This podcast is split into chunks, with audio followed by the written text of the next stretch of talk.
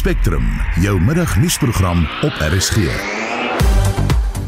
En welkom terug by Spectrum, die eerste een van 2023 vol program vandag. Beloftes maak skuld en daar's baie beloftes gemaak by die ANC se uh, 111de verjaarsdagvieringe. Ons praat later daaroor met 'n kenner. Veiligheidsmaatreëls in Lichtenburg word verskerp in aanloop tot die eerste raadsitting van die Dietse Botla plaaslike munisipaliteit.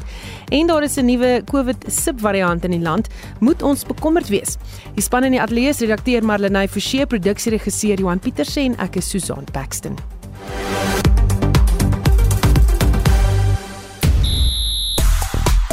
In sportnuus vanmiddag, Novak Djokovic begin sy seisoen op 'n hoogtepunt. Die derde toets tussen Suid-Afrika en Australië het onbeslis geëindig en Manchester City reken twee keer in een week af met Chelsea.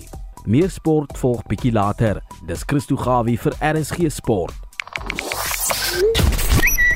En ek is Marlene Forsie. Twitter gebruikers gons oor die kriketspeler Dwayne Pretorius se besluit om uit internasionale kriket te tree. 'n Tweet deur ESPN sê hy hou die rekord vir die beste balsyfer in Suid-Afrikaanse mans T20 wedstryde, 5 paaltjies vir 17 lopies in 'n wedstryd teen Pakistan. Dis wat ek op Twitter gesien het. En nog 'n gewilde hitsmerk is back to school. En dis ook iets waar ons gesels, die nuwe skooljaar is om die draai en daarmee saam kom die geskarrel na skryfbehoeftes, skooluitrusting en ander benodighede om die akademiese jaar aan te pak. Ons wil by jou hoor hoeveel dit jou kos en of jy dalk besparingswenke met Spectrum kan deel hieroor. Stuur 'n SMS na 45889, SMS se kos R1.50 of praat saam op Monitor en Spectrum se Facebookblad. Sy by kan 6 minute oor 12 jy luister na Spectrum en soos jy vroeër in die nuus gehoor het, het die ANC gesê hy wil hê die regering moet stappe doen om professionaliteit in die staatsdienste verbeter in 'n poging om swak dienslewering op alle vlakke van die regering uit te roei. Is een van die kwessies wat die party se president Cyril Ramaphosa genoem het in sy 8 Januarie verklaring wat gister as deel van die party se 111de bestaanjaar vieringe in Bloemfontein gelewer het. En vir meer oor die praat ons nou met Jan Janouberg, politieke skrywer en joernalis. Goeiemôre Jan Jan. Goeiemiddag Susan en welkom terug. Ons het jou gemis. Ag, dankie. Dis lieflik. As dit eintlik jou stem ook gemis het, het ons so baie met jou gepraat het oor hierdie ANC konferensies, maar jou indrukke van hierdie verklaring. Um ja, daar's 'n Engelse uitdrukking wat sê if wishes were horses then beggars may ride. Um ek dink dis nogal absurd van die ANC om die regering te versoek om enigiets te doen gesien dat die kaderontplooiingsbeleid beteken die ANC is die regering. Um maar ek wil ook sê dat as ons wil kyk na dekking van hierdie verslag, wil ek werklik vir mense aanbeveel om te kyk in die burger vandag want regtig Gert van der Westhuys en Christian Du Plessis van Netwerk 24 het wonderlike werk gedoen. Dit maak my altyd so bly as die beste beriggewing in Afrikaans gedoen word. Maak my nie saak wie dit doen nie, maar um ek dink ons as Afrikaanse gemeenskap is goed gedien deur die dekking van hierdie afgelope paar dae in Bloemfontein. Hmm. En sê vir my het dit nou so half daaraan aangeraak, maar vir wat die ANC as party sy mandaat met die van die regering? Ja, wel, dis eintlik jy sien as gevolg van die kaderontplooiingsbeleid is die ANC die regering. Dis nie net die regerende party nie, hulle plaas hulle mense in die staatsdiens. Daai mense wat so onprofessioneel is, is deur hulle daar gesit. Maar ek het gedink as ons kyk na hierdie baie baie lang um toespraak van meneer Ramaphosa, as 'n 22 bladsy toespraak, wil ek eerstens 'n stukkie baie onverwagse en goeie goeie nuus daar uithaal. En dit is die krediet wat aan die landbousektor gegee het en gegee word en ek praat van die kommersiële landbou.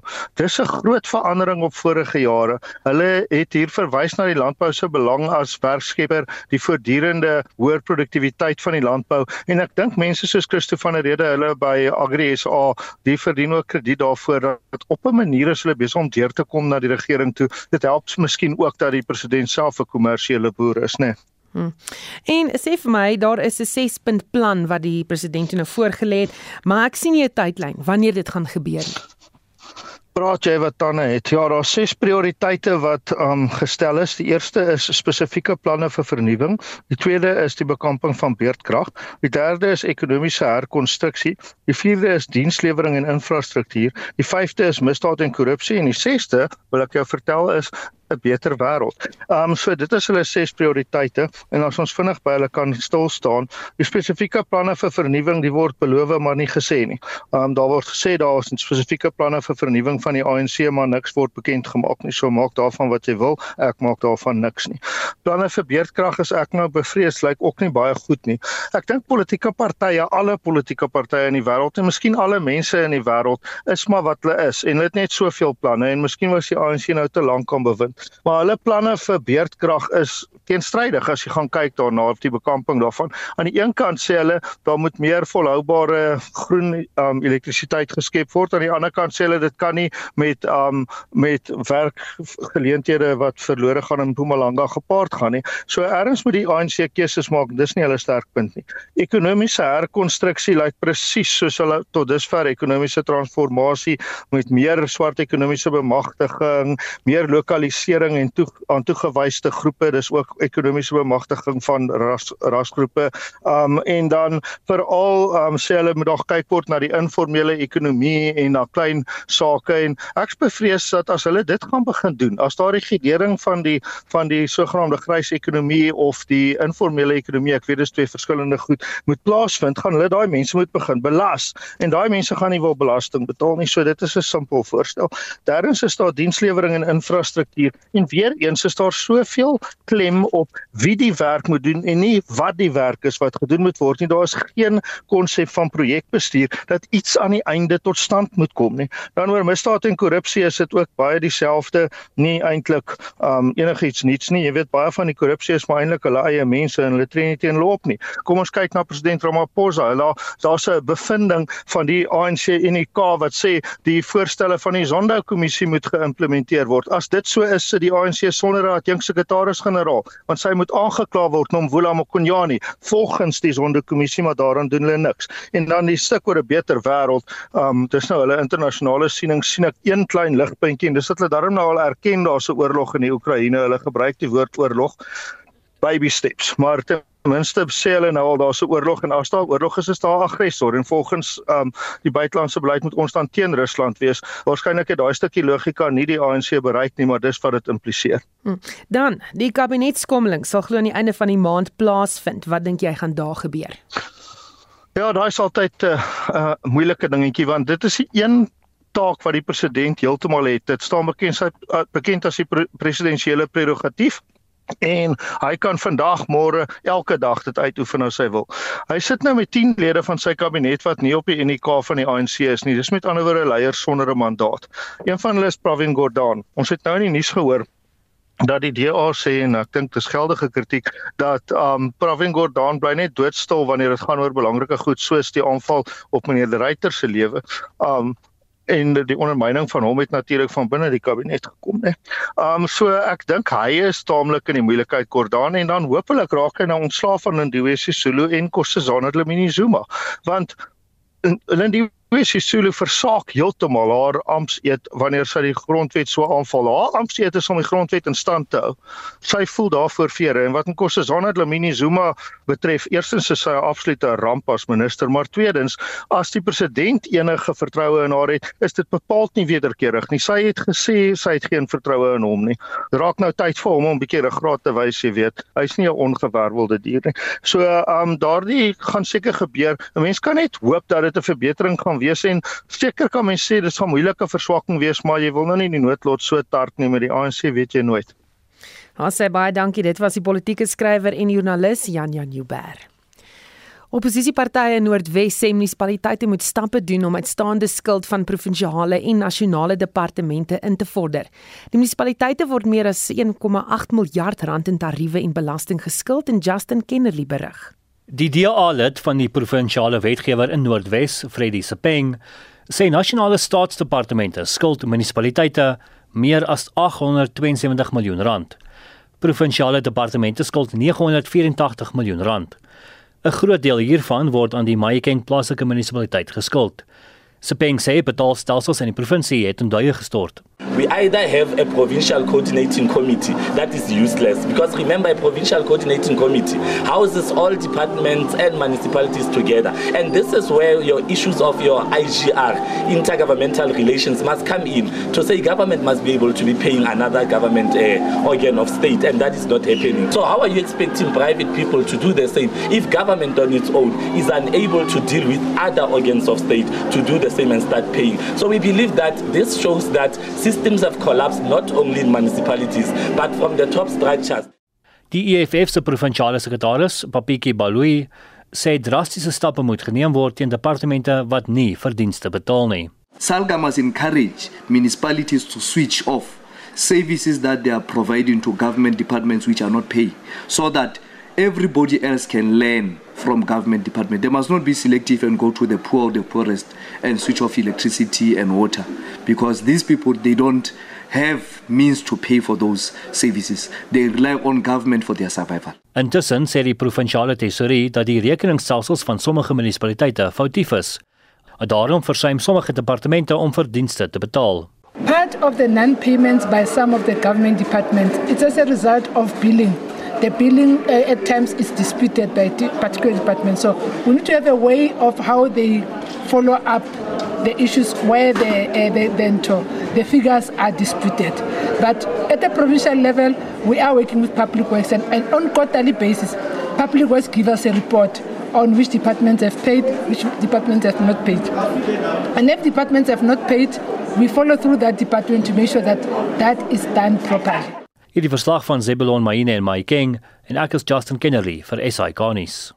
Bly in Noordwes se eerste raadsitting van die Dietse Botla plaaslike munisipaliteit in Lichtenburg word vandag gehou. Die raad sal oor 'n koalisieregering besluit na die tussenverkiesing van 14 Desember. Ons praat nou met 'n politieke ontleder van die Noordwes Sakeskool professor Andrei Dievenage. Goeiemôre Andrei. Middag Susan. So, wie is die gunstlinge om vandag beheer oor te neem? Wel eh uh, Susan, ek dink as 'n mens kyk na wie die gunstelinge is, dan kyk ons moet ons eers na die setelverdeling kyk. En die ANC het 16 setels, EFF 10, Demokratiese Alliansie 6, die Patriotic Alliance 2, Forum for Service Delivery 2, die African Heart Congress 1, Safe Dit Sabotla 1 en die Vryheidsfront Plus 1. Nou as jy na moontlike koalisies kyk, dan is daar eintlik vier scenario's. Dit is die ANC en die EFF. Dis die een opsie, die tweede opsie, die ANC en die DA. Die derde een is die ANC en kleiner partye, soos byvoorbeeld die Patriotic Alliance, die Forum for Service Delivery en een of ander ander kleiner party. En dan die vierde scenario is omtrent al die partye met uitsondering van die ANC. Dis byvoorbeeld die EFF, die DA, Forum for Service Delivery, Vryheidsfront Plus, Patriotic Alliance. Ek persoonlik dink die mees waarskynlike scenario is die ANC in kombinasie met kleiner partye soos byvoorbeeld die Patriotic Alliance en die Forum for Service Delivery. Hmm. En sal hulle nie oorgaan eerder na bestuurskomitee model eerder as die uitvoerende komitee model nie. Dit wil sê al die partye sal op die bestuurskomitee dien in proporsie tot hulle steun nie.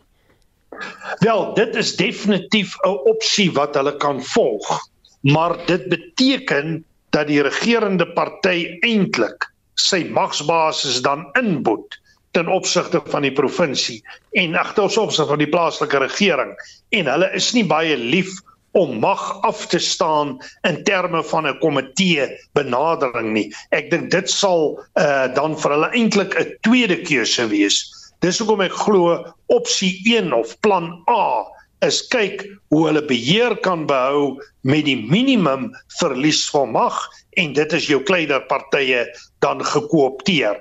Maar ek lees nie die ANC en die DA bymekaar nie en die ANC en die EFF het ook 'n redelike disfunksionele verhouding in hierdie opsig. Nou hierdie munisipaliteit is lankal baie onstabiel, geen dienslewering wat daar plaasvind omtrent nie. Wat sal hulle eerste taak moet wees? Wel, uh Om mee te begin, ek dink as ons kyk na al die munisipaliteite in Noordwes, dan's dit Sabotla of Lichtenburg een van die mees disfunksionele. Ek is bereid om te sê omtrent alle strukture moet herbou word. Parallelle strukture moet verwyder word en onder een gesag geplaas word. Uiteindelik Susan begin alles by orde en stabiliteit.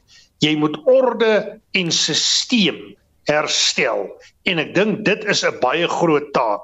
Op die oomblik is daardie omgewing nie veel anders as 'n totaal onstabiele omgewing, selfs 'n omgewing wat gedomeineer word deur kriminaliteit en kriminele optrede nie.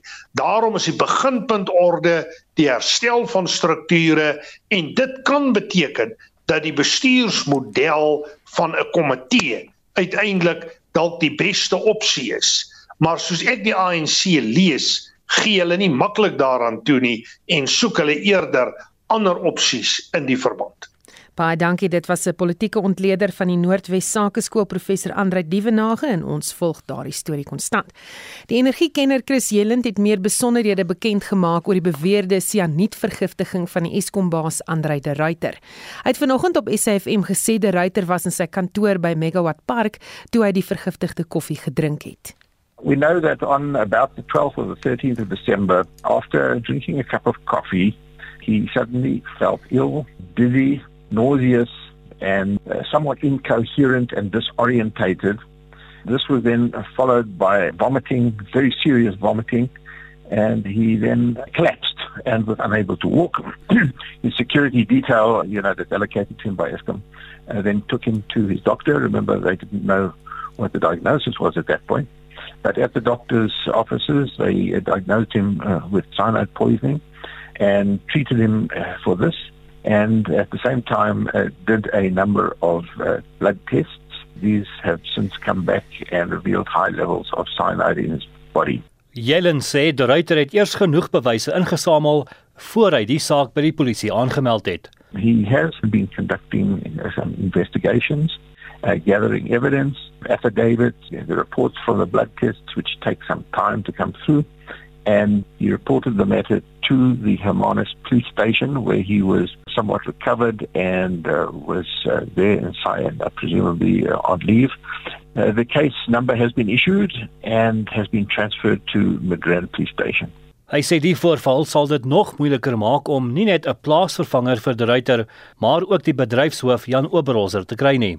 I think it's going to be very difficult uh, to find a credible, genuine leader who can fill this position and do what is needed. I certainly, I find it hard to imagine that they could find somebody independent, somebody that's not just a political appointment, to take this position by the 31st of March.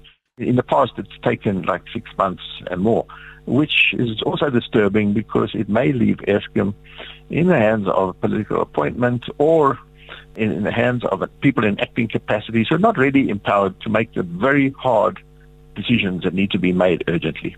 Die energieontleder en besturende direkteur van EE Business Intelligence, Chris Jelland. Die nasionale departement van gesondheid sê hy monitor nuwe COVID-19 infeksies nadat die nuwe variant ook in Suid-Afrika bespeer is. Die variant staan in die volksmond bekend as die kraken, soos die legendariese seemonster en is hoogs aansteeklik. Die woordvoerder van die departement, Foster Mohali, sê hulle was baie verras dat die aanvanklike aankondiging wat gemaak is deur die Universiteit Stellenbosch op die sosiale platform Twitter was. Mohali sê dit het die bevestiging van die inligting bemoeilik en daarom reageer hulle nou eers daarop. Initially we got uh, it was very unusual. We got this uh, information about the new variant uh, through the public platforms uh, not through the normal channels.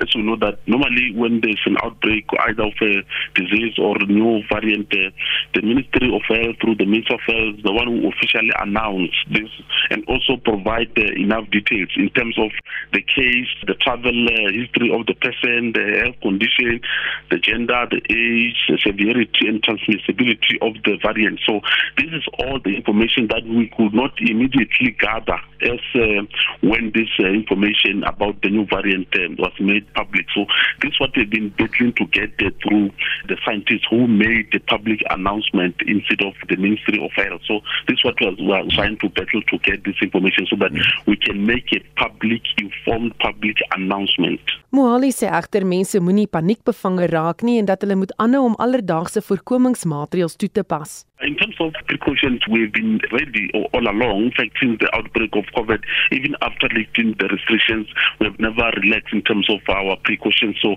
because our priority, we kept on saying we encourage our people to continue to vaccinate and get booster shots, but also voluntarily practice the non-pharmaceutical interventions, which are face masks, social distancing, and hygiene, and also avoiding crowded places, especially if they are not comfortable, in order to ensure that they, they are safe at all times. So, whether there's a uh, new variant or there's a uh, situation in China and other parts of the world, we encourage our people to say, let our priority be to vaccinate and protect ourselves because putting the restrictions or travel measures against anyone who's coming from the areas where there are this variant will not necessarily prevent the spread of this infection. But what's more important is for people to protect themselves that even if we happen to be hit by this variant, there's a surge of cases, at least majority of our people at least would have developed some uh, level of uh, immunity. Mohali sê daar's nog geen planne om reisbeperkings in te stel teen die 28 lande waar die variant 'n vastrapplek gekry het nie. Not immediately. Why? Precisely because uh, in countries such as South Africa, where we're characterized by a high level of uh, population immunity because of vaccination and past infections, these variants have not caused a huge uh, impact because uh, this variant already passed through this variant in South Africa. It's not something new, so the risk remain present, as we say, for people to be always a saver is important for them to get vaccinated, especially the elderly and the immunocompromised who remain the most vulnerable group. En dit was die woordvoerder van die departement van gesondheid Foster Mohale. Professor Tulio de Oliveira, direkteur by die Sentrum vir Epidemiologie aan Universiteit Stellenbosch, het die nuus aanvanklik op Twitter bekend gemaak. Hy sê die variant XBB.1.5 is nou in die land. Volgens hom word die variant tog amptelik as Omicron beskryf deur wetenskaplikes en die Wêreldgesondheidsorganisasie en is dus nie regtig 'n nuwe variant nie. Without trying to be too technical, yeah, that's still Omicron to start. So this new name Kraken apology, but that's just nonsense. Yeah, it hasn't been discussed and approved by the World Health Organization. To us, scientists that participate on the World Health Organization virus evolution program, we still call that Omicron. And then this got also, Omicron has now hundreds of lineages, and that one, it is the last one that add a few mutations. Yeah. And these few mutations that were added to this variant, that it's a Omicron XBB, it is the 50 child of the XBB, that's why it got the name 1.5. It make more transmissible. And that was uh, first emerged and went to dominate infections in the east coast of America, more specific in New York, and then start spreading to the neighboring of uh, basic provinces or what the US call the states. De Oveliera sê wat die owerheid laat regop sit oor die uitbreking van Omicron is dat dit veral voorkom in lande waar mense nie ingeënt is nie. Develop of symptoms normally is related to two different things. One is the phase of the pandemic. So for example, now any new infection with COVID tend to generate less extreme symptoms. That's not because the virus got weaker, it's just because our population immunity is much higher from vaccination, from booster, and from previous infections, or a mix of those. So that's what they are seeing in the United States of America. But what they are also seeing, people that haven't been vaccinated or haven't been boosted in the last six months, they are 80% more likely to be hospitalized. And the people that are being hospitalized, not surprising, is normally people that is older. So the average age is above like 65 years old. in the hospital. And at the moment in the East Coast of America, they have more people hospitalized than since February last year. So that's why they raised the alarm from that. What would make that variant much, or this lineage of Omicron much less pathogenic? It's exactly by boosting the population. So when it hits and starts transmit at high level, the susceptible people would be more protected. And also making sure that the hospitals are prepared because what causes a lot of the case fatality, it is when the hospitals cannot cope with people mm. coming to the hospital, which in the case in South Africa by being the summer, we have a big advantage which compare with the northern hemisphere that normally have hospitals very full mm-hmm. because winter diseases. Hy sê hoewel mense steeds moet versigtig wees, verwag hy nie dat die impak so groot sal wees soos in ander lande nie. So at the moment we do not expect our hospitals to get full as I mentioned because we have very high population immunity we are also in the summer, but it's something that one wants to keep a close eye now. And as it's shown not only with COVID, but any kind of pathogen, early detection and preparation can make the big difference. Eh? One also have to remind that United States is a little bit like South Africa. They have a very high population immunity, very different from China. So that make interesting also study what's happened in United States in a way that we can make sure that nothing or very little will happen in South Africa. So at the moment, we are alerted about this lineage, but we are not alarmed and we are not concerned that will cause a big problem in South Africa. De Oliveira sê verder die wêreld hou China met 'n valkoogdop. So in China, we are expecting a lot of trouble inside China. And what one have to remind it is that this pandemic is killing a lot of people in China, and it's, it is quite sad. They are estimating around like five to 9,000 deaths a day. For the rest of the world, we are not expecting much trouble, especially for South Africa, because we have very high population immunity. Yeah? So we discussed that with our National Department of Health. We also discussed that and part of an expert panel with the World Health Organization that would not make sense to have any travel restriction to China at the moment, but that would be better if the world would support China as they go with the difficult phase of the pandemic. En dit was professor Tulio de Oliveira, 'n direkteur by die Sentrum vir Epidemiologie van Universiteit Stellenbosch.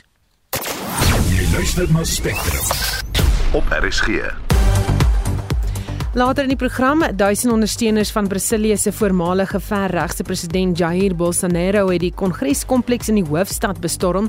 Die DBV is op soek na 'n tradisionele geneesheer wat mense aansê om 'n rop dood te maak en op 'n positiewe noot, ekonome verwag 'n verdere daling in brandstofpryse. Bly ingeskakel. Die skole begin die week weer, die vakansie is verby en om met ons te praat oor die stand van sake op die N1 in die Wes-Kaap, praat ons met die kommunikasiehoof van die Departement van Openbare Werke en Vervoer daar, Jandrey Bakker. Goeiemôre Jandrey. Hallo Susan. Hoe besig is die pad tans? Uh, op hierdie stadium is dit um, op verwagte vlakke so klein bietjie laer as wat ons gedink het. As ons kyk na gister byvoorbeeld, um, op die N1 met ons hier teen 10:00 die oggend so 900 voertuie uitwaarts en dan amper amper 900 inwaarts gehad, maar dieselfde tyd het die N7 wat daai die Weskus kant toe loop, 1300 voertuie per uur inwaarts en 1310 uitwaarts op dieselfde tydperk hanteer. So dit wys vir ons dat die ouens terug van die binnelandse provinsies is om terug te wees en betyds te wees vir skool, maar ons verwag dan ons groot hoeveelheid verkeer om hierdie naweek wanneer die net so voor die Weskaapse skole volgende week begin. Ehm um, verwag ons dan nou ons piek as ons kyk na vanoggend sover, ehm um, op die N1 weer eens onder 1000 voertuie per uur. Ehm um, as ons kyk na die N2 egter gister, as ons dan weer terug skuif na gister toe 2160 voertuie per uur uh inwaarts 1700 voertuie per uur uitwaarts So gister was besig maar die N1 in dieselfde tyd wat die N2 2000 voertuie gehanteer het, het die N1 1300 uh, inwaarts en 1000 voertuie uitwaarts hanteer. So op hierdie stadium is die N1 of ons redelik rustig. Daar is 'n bietjie van 'n opeenhoping op 'n oponthou by Lynsburg. Dit is 'n vroeëre uh, trompopbotsing ehm um, wat gelukkig geen ehm um, uh, uh, sterftes gehad het nie. Uh, wat nou net so 'n bietjie van 'n soos wat ons die toneel nog opruim, uh, wat so 'n bietjie van 'n agterstand daar veroorsaak. En hoe het motoriste hulle self voor die algemeen gedra op die paaie die jaar? Behalwe nou vir oggend ons het ver oggend vroeg op die R27 ook 'n insident gehad wat ongelukkig sterftes betrokke gehad het. En dit gooi natuurlik jou jou statistiek ehm um, bietjie omver. As ons dan nog gaan kyk na statistiek tot gister toe ehm um, hierdie motoriste vir ons werklik ondersteun. Die hoeveelheid padsterftes is tot gister nog ehm um, redelik onder uh, verlede jaar se getalle gewees. Maar wat vir ons wel bekommer en ons praat elke keer oor voetgangers dit lei die grootste hoeveelheid ouens wat wat sterf op ons paaie. Maar die grootste sondebok bly nou maar ongelukkig alkohol gebruik en padgebruik saam. Ehm um, dit bly omtrent hier by 75%. Ons op hierdie stadium net so oor die 69% het ek gou my som reg gemaak het.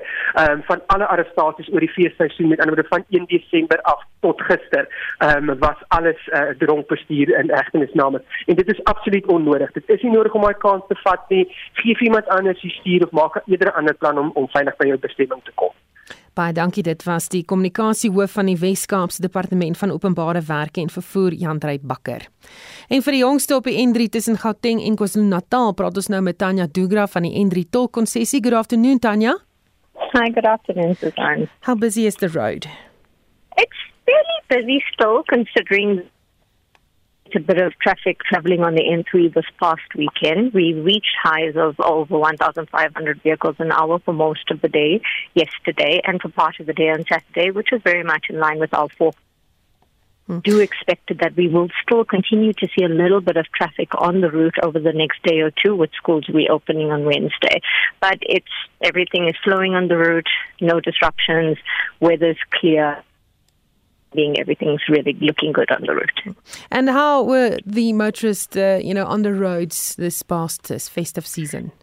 We had quite a number of mixed reports in that respect. Were through of you know bad driving behavior by road users with excessive speeding number of, of road traffic enforcement activities, which, you know, would have escalated or sort of attended to and highlighted those issues of people driving unlicensed vehicles in condition, etc. But for the most part, fortunately, the road itself, uh, traffic but with the exception of one extremely serious incident that we've had in the beginning of the year, things been fairly clear.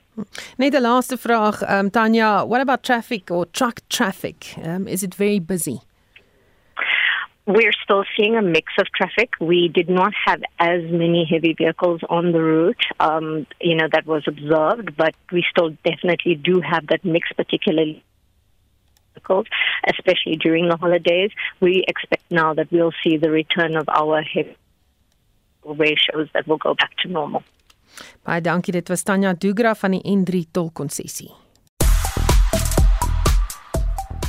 Goed, ons praat uh, vandag. Ons vraag natuurlik is oor uh, al hierdie skooltoerusting, dinge wat jy nodig het om uh, jou kind terug te stuur skool toe en hoe duur dit is en hoeveel dit jou uit die sak uitjaag en of jy enige besparingswenke het. En Rochelle uit Sutherland sê ek het twee kinders, my seun is uit die skool graad 12 klaar gemaak, so bly een uh, van ons uh, het nou 'n swaar swaar las van ons is nou ligter. My dogtertjie is egter nog daar. En dan sê iemand 'n eenvormige uniform golf en kortbroek en kaalvoet vir warm maande Ehm uh, skoolskoene en takkies is te duur, baadjies is te duur, das is te duur of 'n sweetpak vir winter en 'n windbreaker. Maar dan sê hulle nie regtig wat se pryse nie. Iemand wat jy sê moenie vaskyk in die skoolkleerpryse nie. As jou kind elke dag gewone klere moet dra, gaan dit triple die prys kos as skoolklere.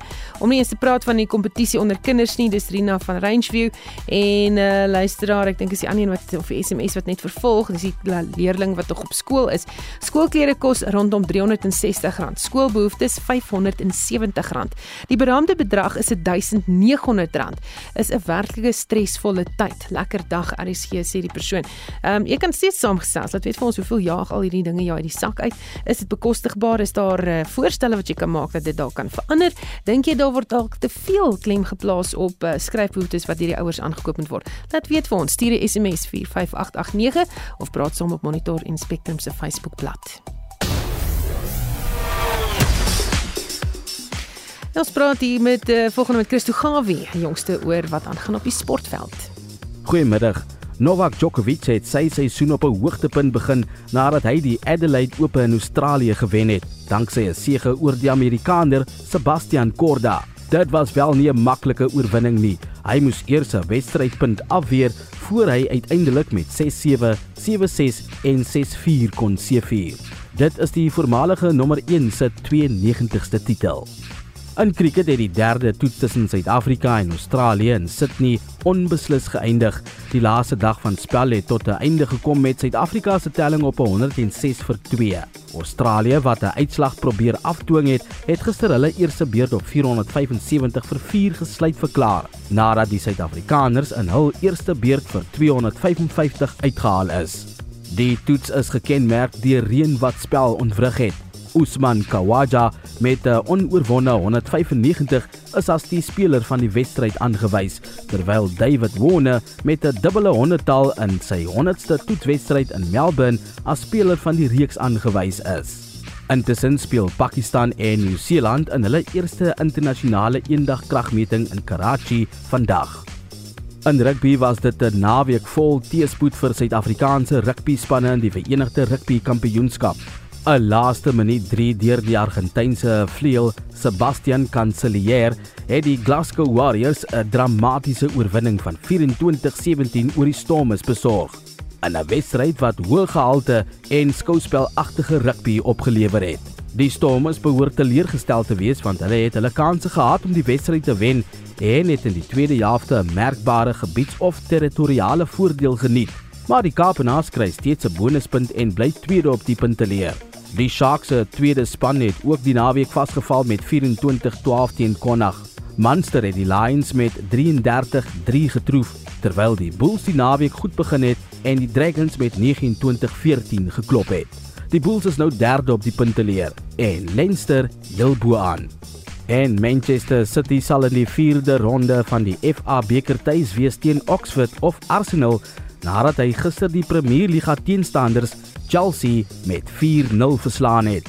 Die loting het kort voor afskop plaasgevind waar Riyad Mahrez twee keer doele aangeteken het in 'n wedstryd waar City voor rustyd met 3-0 voorgeloop het. Die Premier Liga leiers en 14 keer rekord FA beker wenners Arsenal is vandag teen Oxford in aksie. Een versekerde Premier Liga wedstryd in die 4de ronde sal Brighton tuis wees teen of die bekerhouers Liverpool of Wolves na hulle gelyk op uitslag van 2 elk Saterdag.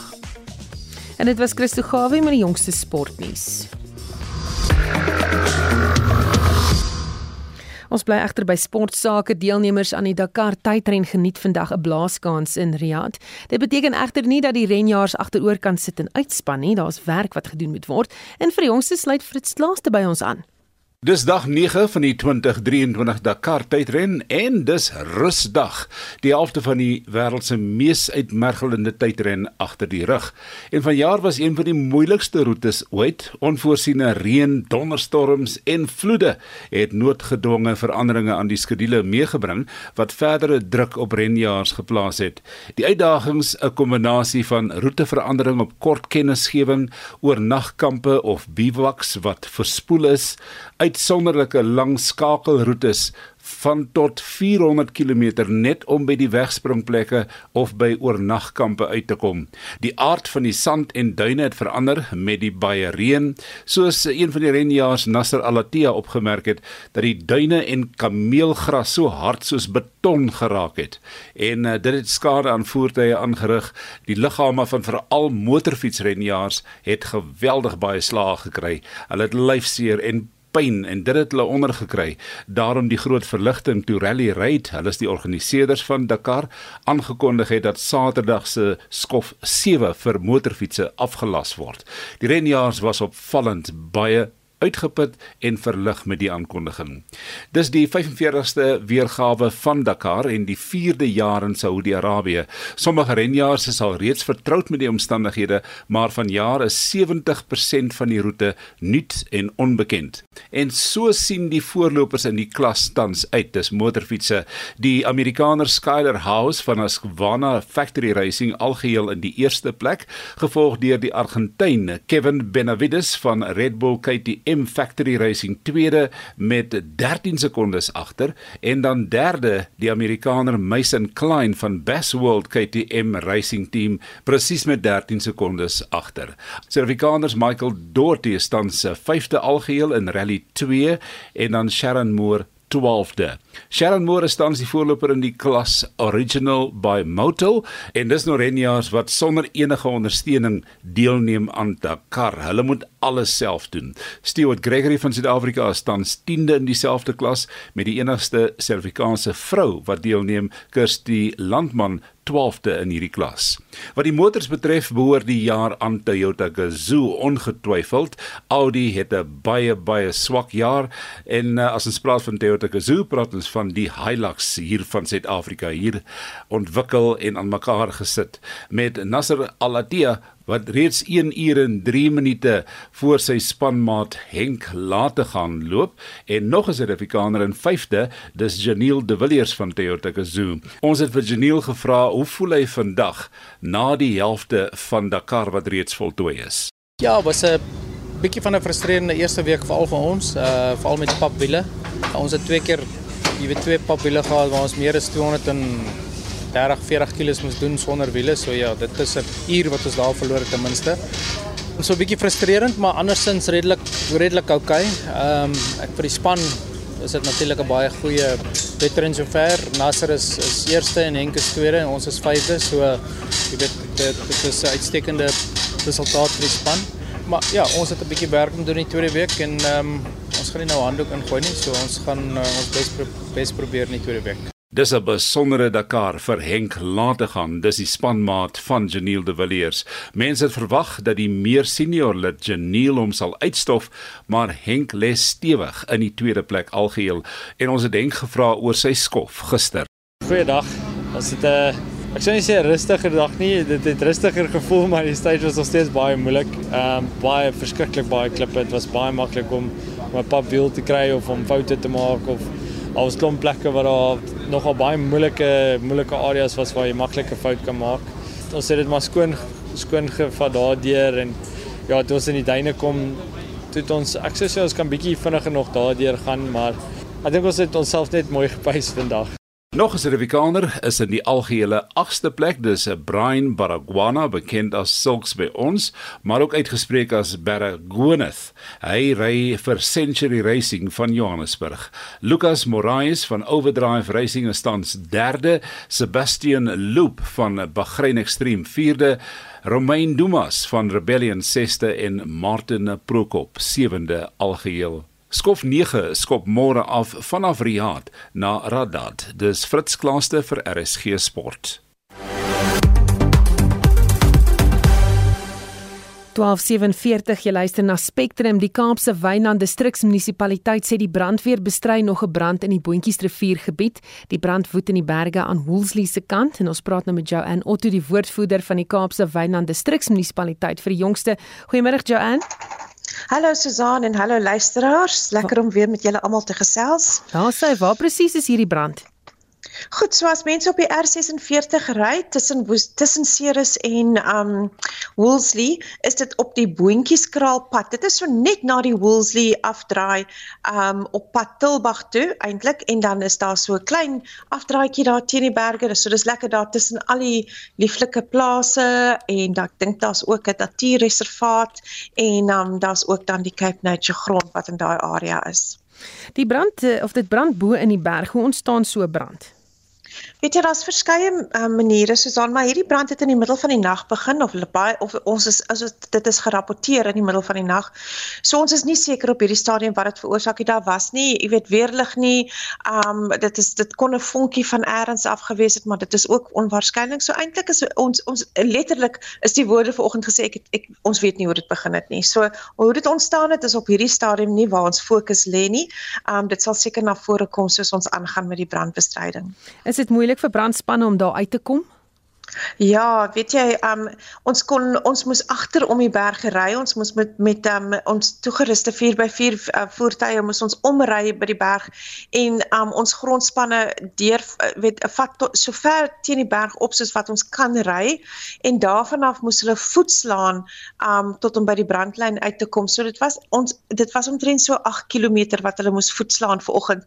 So ons brandbestryders is regtig fiks as hulle daai so want hulle dra alles by hulle wat hulle benodig sou benodig vir die 24 uur. So dis al hulle toerusting, hulle hulle plak um weet hulle plak fisies en dan al hulle water en al hulle kos wat alles saam met hulle gaan. So dis nogal swaar belaai. Hmm. Hoe vergelyk die brandseisoen vanjaar met vorige jare?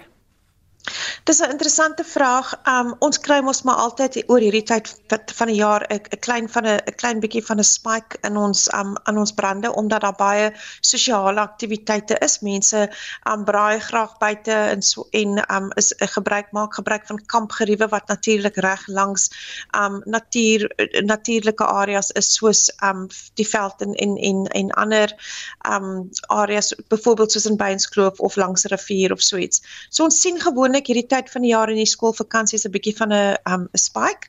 Maar weet jy, hierdie jaar um ek is nie seker hoeveel brande ons al gehad het nie. Um maar ek kan amper vir jou ek sal amper my kop op 'n blok sit om te sê dit is definitief meer intens as wat dit vorige jare was. So ons brande kom vinniger op mekaar um en die warm weer maak dit definitief nie makliker nie. Ons um ek sien daar's vandag nou net weer via die um Suid-Afrikaanse weerdiens 'n um 'n veld brand waarskuwing uit vir ons area. So ehm um, die warm weer bly. Dit is nou eers Januarie en ons warmste dae kom nog. Jy mm. weet so ons is maar reg vir 'n moeilike 'n moeilike brandseisoen. Baie dankie. Dit was die woordvoerder van die Kaapse Wynland Distriksmunisipaliteit, Joanne Otto. Ons bly by nuus uit die Wes-Kaap en net 'n waarskuwing, die volgende storie kan sensitiewe luisteraars ontstel.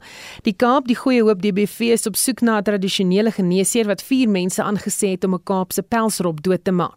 Sy het die mense R3000 aangebied om die rop wat op die Monwabisi strand in Kailicha was dood te maak. Die DBV het 'n klag ontvang van die aanval op die dier. Jaco Pieter sê die hoofinspekteur by die DBV daar sê dit is die mees brutale aanval op 'n dier wat hy in sy loopbaan teëgekom het.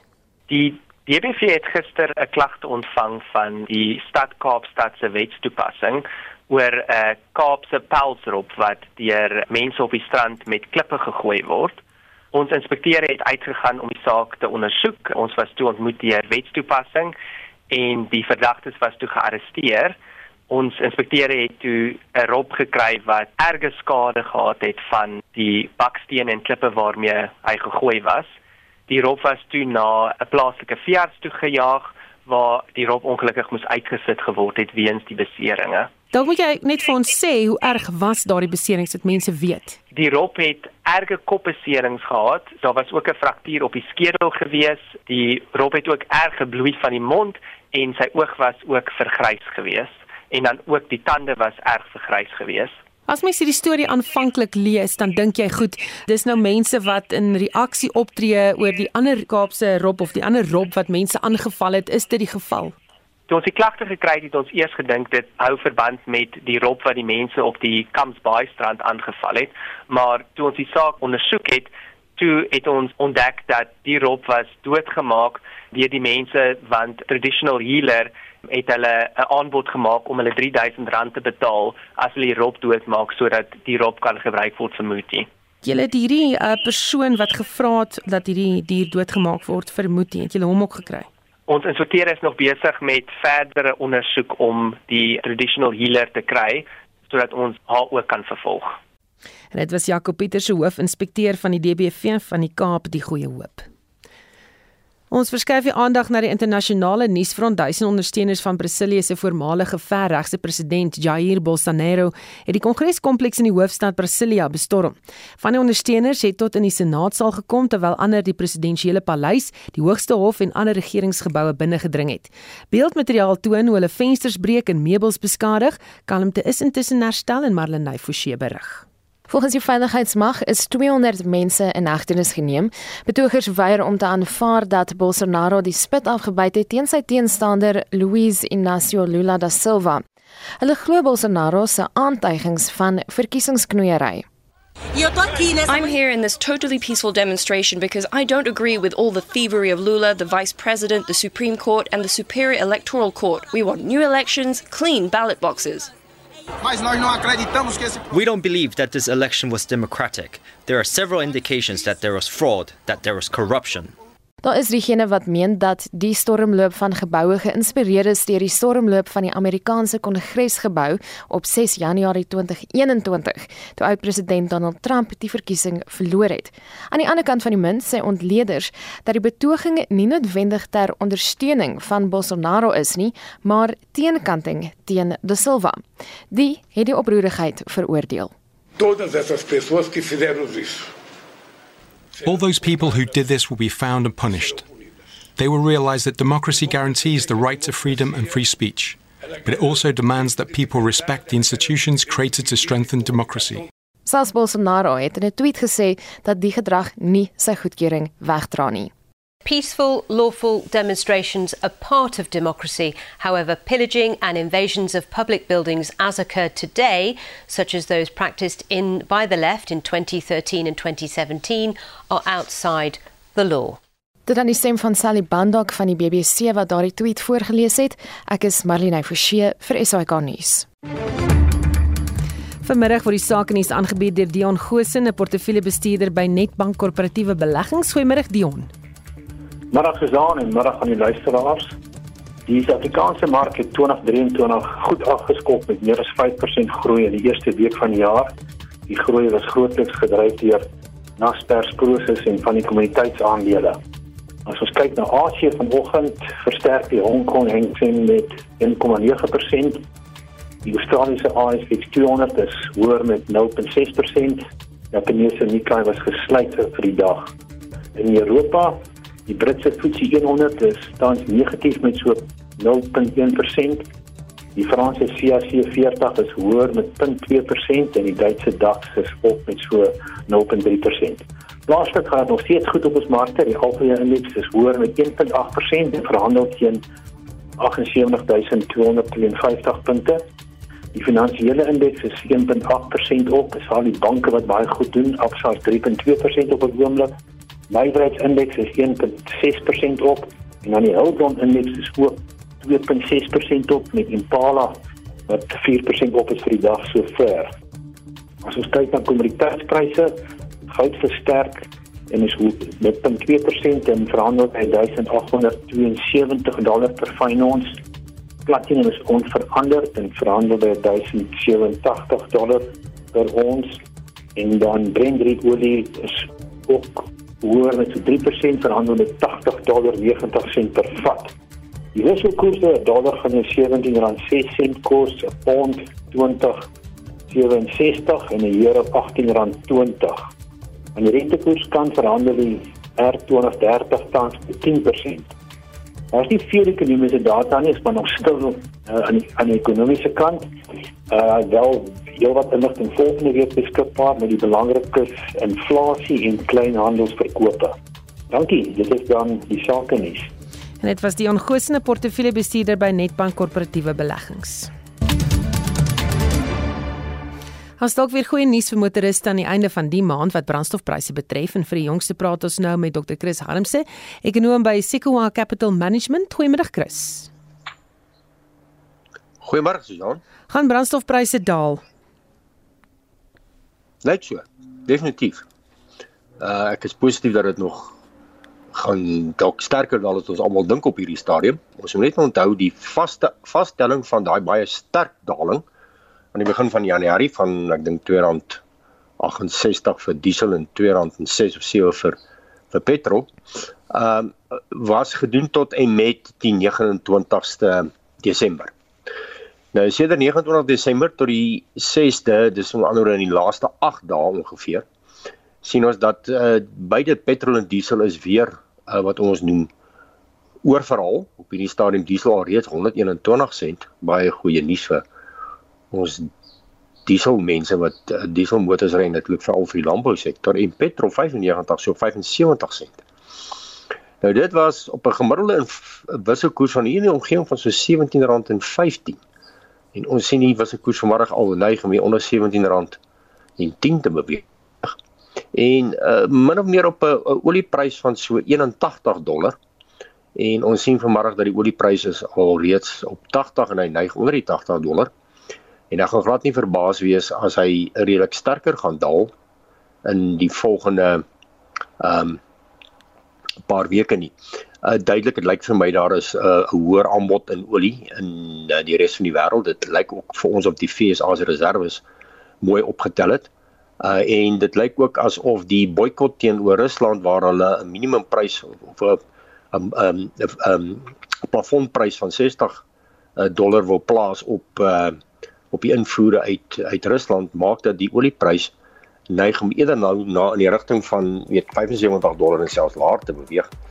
En ek dink ons gaan hierdie week ook baie goeie nuus kry op die inflasiefront uit die FSA. Uh wat die die rand dink lyk dit vir my verder gaan verstewig. So ek is optimisties Susan dat ons die begin van Februarie verder 'n verlaging gaan kry. Baie dankie. Dit was Dr. Chris Harmse, ekonom by Sequoia Capital Management met daardie goeie nuus. daarmee groet die Spectrum span. My naam is Susan Paxton. Bly ingeskakel vir 360.